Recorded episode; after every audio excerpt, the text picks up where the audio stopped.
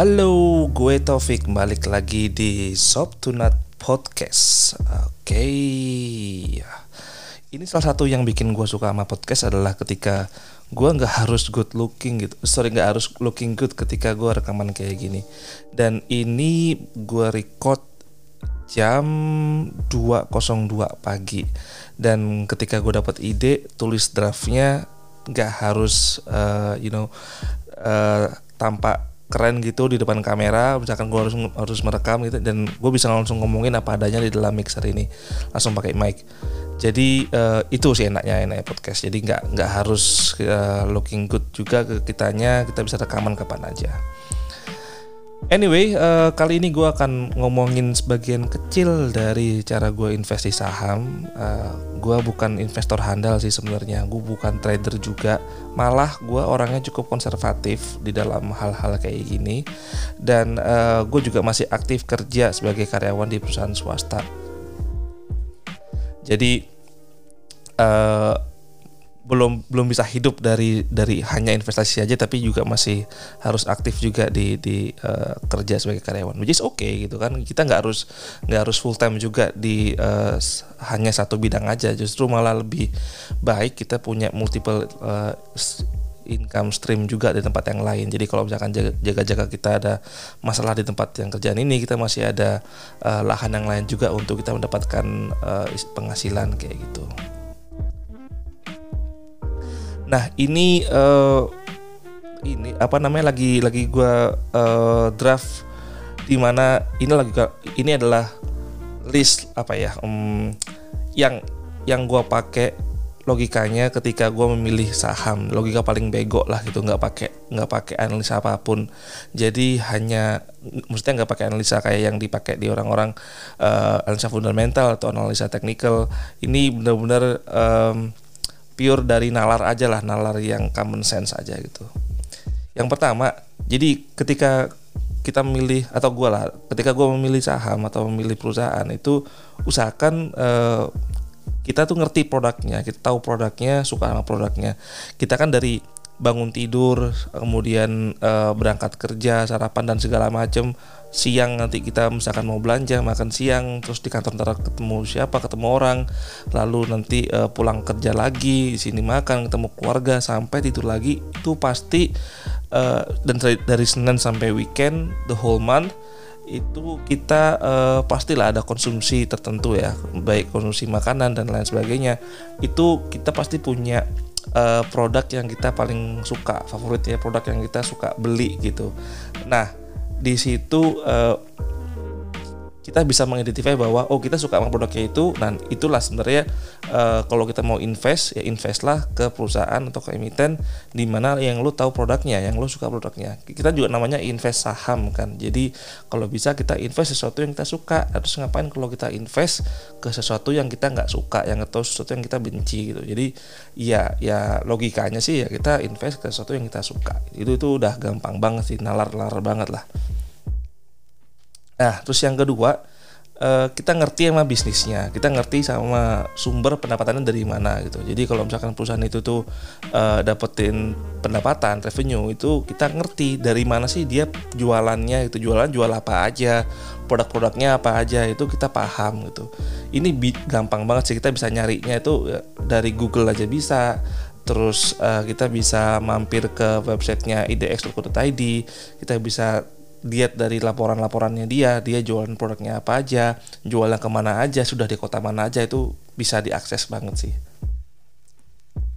nah terus yang berikutnya nomor tiga kita uh, pilih brand yang sudah uh, dibilang ternama sih ya oke okay. tapi kalau bisa yang sudah bagus ya gitu karena ketika kita uh, punya uh, perusahaan yang itu kita ngerasa bangga nih waduh gue bangga banget nih bisa punya perusahaan bisa ikut berpartisipasi atas kepemilikan sebagian kecil dari saham yang yang kita punya karena brandnya bagus dan segala macam.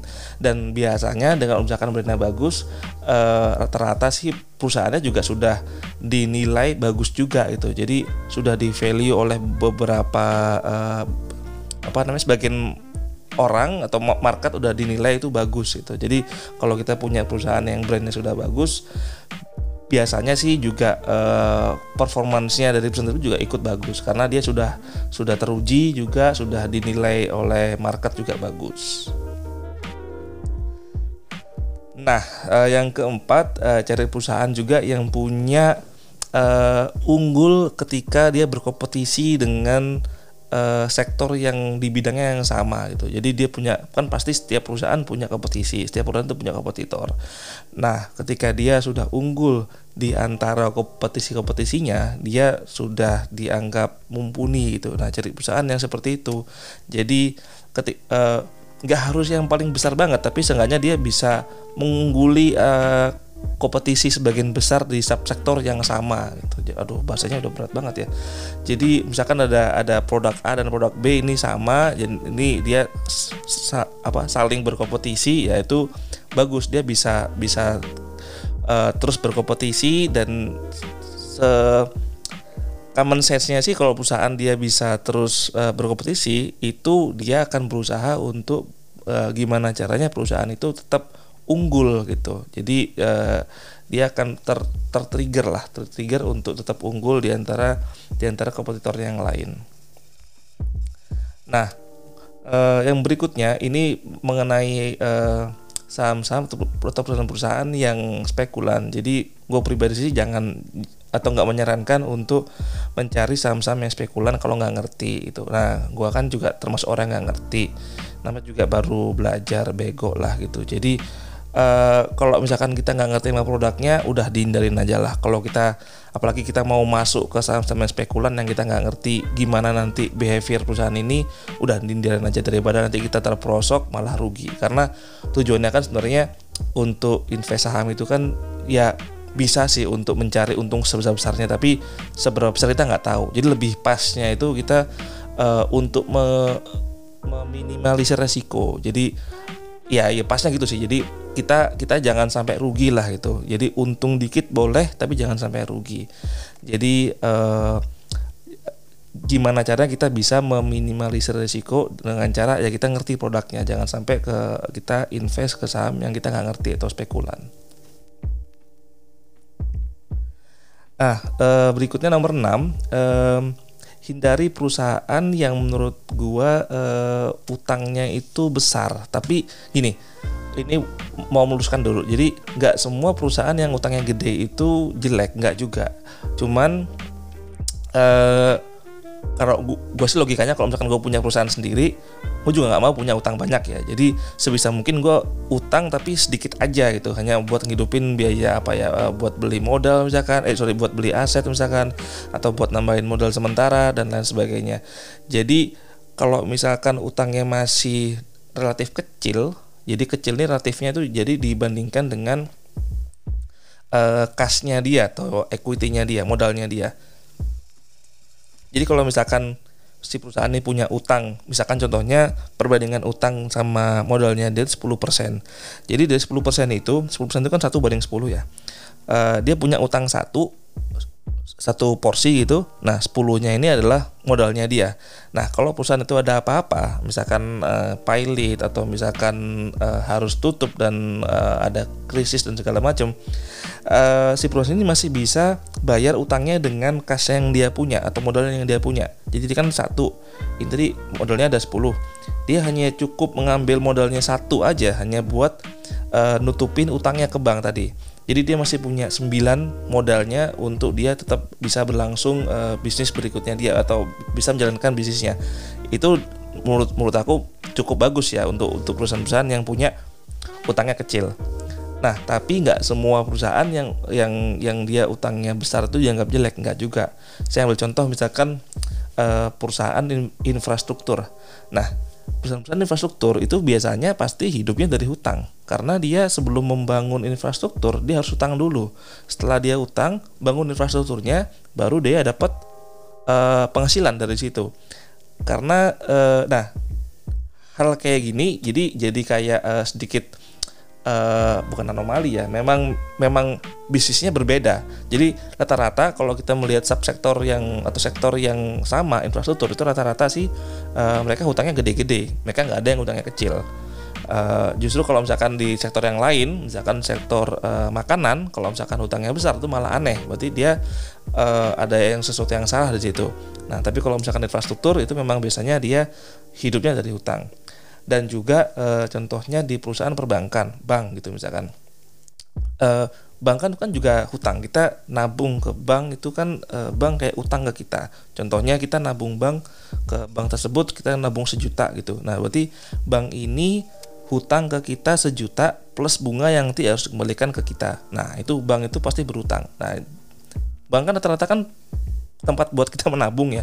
Jadi hampir semua bank itu pasti hutang guys. Jadi uh, gak usah uh, kaget ketika bank itu punya utang gede. Itu memang wajar. Malah seharusnya utang uh, utang bank itu gede.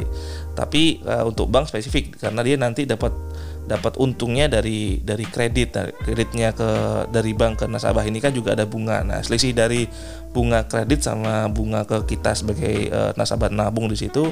Nah itu bank cari untung di situ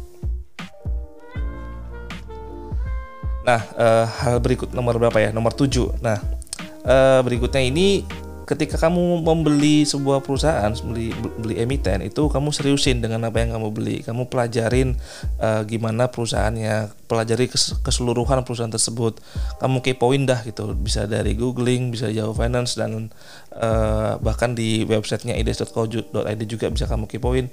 Jadi pelajari dulu uh, saham tersebut perusahaan tersebut uh, sebelum kamu membeli jadi benar-benar dikepoin sama kayak kita misalkan mau PD, uh, PDKT sama cewek kita kan juga pengennya kepoin uh, dia kan kita juga pengennya uh, pengen tahu gimana behaviornya dia apa yang biasanya dia spending apa yang bisa dia invest di mana beli modal itu buat apa dan sebagainya. Kita benar-benar uh, apa ya seolah-olah kita mau mau meminang perusahaan tersebut lah gitu. Mau membeli perusahaan tersebut. Jadi kita harus mesti tahu gimana behaviornya dia dari tahun ke tahun. Itu bisa kalian kepoin di uh, website yang ada. Nah yang terakhir yang ke 8 uh, kenali juga kalau bisa kenali juga manajemen manajemennya uh, sebenarnya kenali ini lebih sama sih sebenarnya kayak di poin sebelumnya nomor 7 tadi lebih ke kepoin uh, perusahaannya. Tapi ini lebih mengkepoin uh, orang-orang dalamnya terutama di di top manajemen level di CEO CEO-nya uh, board directornya manajemen manajemennya itu cari tahu gimana mereka dan kalau apa ya uh, bisa disimpulkan bahwa perusahaan yang bagus itu adalah uh, dari manajemennya punya kemampuan eksekutor yang bagus juga gitu. Karena pasti uh, level CEO level board director dia punya punya visi yang yang bagus ya visi yang luas juga untuk perusahaan. Tapi kalau misalkan dia hanya bisa menyampaikan visinya saja tapi tidak bisa terdeliver nggak bisa dieksekut akhirnya juga hasilnya untuk perusahaan juga nggak ada gitu. Dan akhirnya kelihatan juga performa dari perusahaan dari tahun ke tahun juga nggak bagus.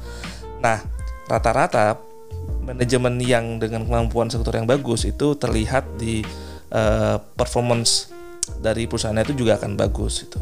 Nah ini ini nalar-nalar logika paling bego aja ketika milih saham.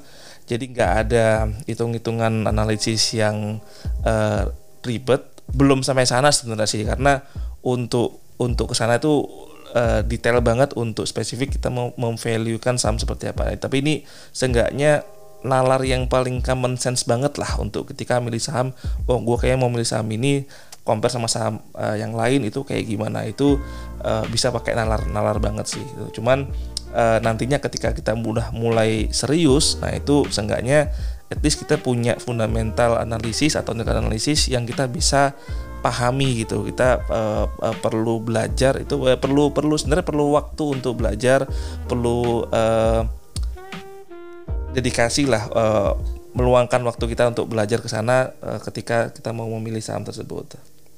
Nah ini logika paling bego gue ketika memilih saham. Gue pengen sih di episode selanjutnya bisa ngomongin yang lebih dalam lagi tentang uh, analisa yang lain seperti analisa fundamental maupun maupun analisa uh, analisis. Sorry, uh, analisa fundamental maupun analisa teknikal. Anyway, gue pamit undur diri dulu. Jadi ini udah jam 2.15 uh, gue udah waktunya perlu waktunya istirahat gue perlu tidur nih. Alright um, sampai jumpa di episode selanjutnya. Gue Taufik. Bye bye